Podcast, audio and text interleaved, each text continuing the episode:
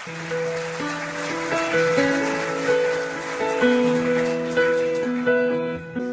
die wêreld hier nog jong was en die horison wyd en oop was dit groen hier in die halfrond suid van die ewenaar en in die skeme as die son sak klink die roepstem van die vrou oor die heuwels van die land Vroue het 'n sterk rol in die demokrasie stryd gespeel. So vertel 'n struggle veteraan, Nana Abrams. As jy iets wil gedaan het, jy moet net die vrouens in die voorkant sit, dan sal jy sien hy ding gaan loop, hy gaan loop. 'n Professor in politieke wetenskap by Stellenbosch Universiteit, Amanda Gous, stem saam. Vrouens was baie belangrik in die sin dat hulle ook as gewapende vegters saam met die mans geveg het, die wat in ballingskap was en hulle het 'n baie belangrike rol gespeel op 'n gelyke vlak met mans. Klink die roepstem van die vrou oor die heuwels van die land. Nog so 'n vroue vryheidsvegter was Jansie Lourens. Ons het jong mense uitgesmokkel om vir opleiding te gaan saam met hom kontour oorseas weer. Wel ek het as koerier opgetree en ek het boodskappe heen en weer gery oor die grens Botswana toe. Die vrouens het 'n vreeslike belangrike rol gespeel. Ek dink hulle het baie hard gesê dat hulle nie tevrede is met die omstandighede nie. Tog sê Lourens dat min vroue wat betrokke was in die struggle uiteindelik Robben Eiland toe gestuur is. Een van die dinge wat my ongewoon gemaak het, is daar was nie baie vrouens wat ondergronds gewerk het en dan gevang is en tronk toe gegaan het nie. Daar was oor die algemeen baie min vrouens. Daar was 'n klomp mans natuurlik op die eiland gewees en dan was daar 'n paar wit mans in Pretoria gevange geneem. En hulle het ons nog steeds uitmekaar uitgehou, die swart vrouens en die wit vrouens apart. Halala. Halala. Ewige soos Afrika. Halala. Halala. Ewige soos Afrika. Maar wat maak 9 Augustus spesifiek dan so gedenkwaardig? Op die betrokke dag in 1956 het 20000 vroue van alle rasse na die Uniegeboue in Pretoria opgeruk.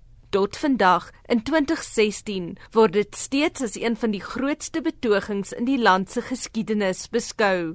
So het die SAIK destyds daaroor berig. From March 56, in town and cities throughout South Africa, women marched from their homes and the locations to the town centres to hand in petitions demanding the repeal of the past Die vroue wou 'n petisie aan eerste minister JG Strydom oorhandig om protes aan te teken dat swart vroue passe moet dra. Adelaide Tambo vertel. Watinta bafazi, watinti mbogodo. Blue skies, in our usual traditional South African way. Women in black, green, and gold. Women in traditional dress from the rural areas. Factory workers in their costumes. Women with their children on their backs. Spirits very high. Amina Kachalia was ook daar.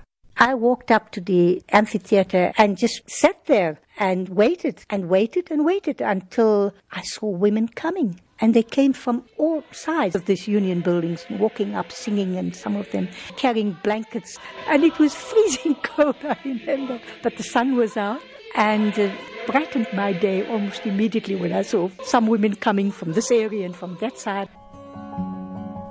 Nou, 60 jaar later, het Sophie Williams de Bruin aan 'n kransleggingsseremonie deelgeneem om die dag te gedenk. Kranse is onder meer op die grafte van Lillian Ngoyi, Helen Joseph, Albertina Sisulu en Rahima Musa geplaas. Don't ever apologize venting your pain. It's something to me you don't need to explain. Daarna het Williams de Bruin vertel van haar ervaring van 9 Augustus 1956. It was a non-racial gathering of women and this is symbolic of our country that we are a non-racial country even during that time. So we are glad to be here to pay tribute to their work and we expect the young people to follow in their footsteps. Ek loop op pad. So sonder hoed. deur son en wind en grou so kaalvoet op die slingerpad en kyk hoe lyk ek nou Die veteraan Rita Nchanga was ook daar. On that day when we went there, we had to put our overalls on and pretend as though we're going to work because we are afraid of the police. But we managed to get there. Maar dit was nie net vroue verbonde aan die ANC wat aan die protes deelgeneem het nie. Die Federasie van Suid-Afrikaanse Vroue het die optog georganiseer.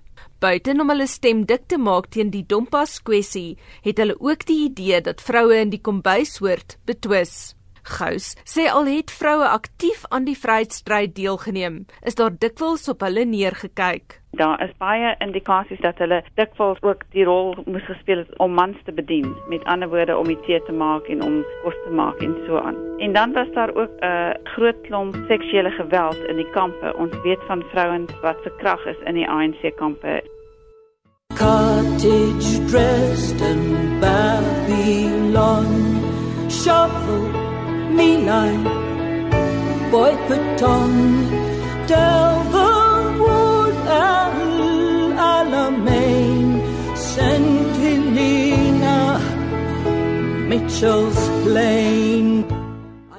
Strydom was nie by die Unie gebou om die petisie te aanvaar nie maar die vroue het steeds 'n boodskap uitgestuur dat hulle nie deur die onregverdige wette geïntimideer en gesmoor sal word nie. Hulle het eers vir 'n halfuur lank net in stilte gestaan. Nsanga vertel verder and we supported our leaders and they went there to deliver our petitions. The man who was supposed to take it ran away. And we said wathinta abafazi wathinta imbokoto uza kufa. And kwabanjalo hierdie woorde beteken as jy 'n vrou slaan tref jy 'n rots. En die vroue het dit uit volle bors gesing nadat die petisie aan Strydom se sekretaris oorhandig is Die liedjie is sedertdien opgeneem in die populêre kultuur met verskeie weergawe daarvan, onder meer hierdie een.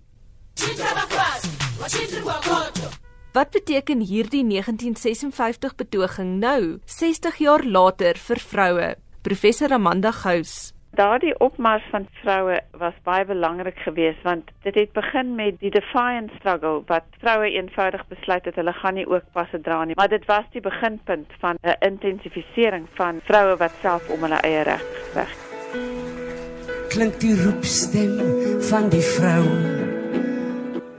Halala halala ewige soos Afrika.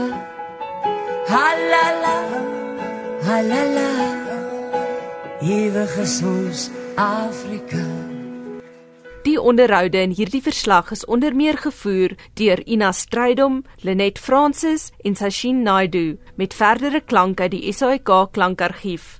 Ek is Anna Marie Jansen van Vuren vir SAIK nuus.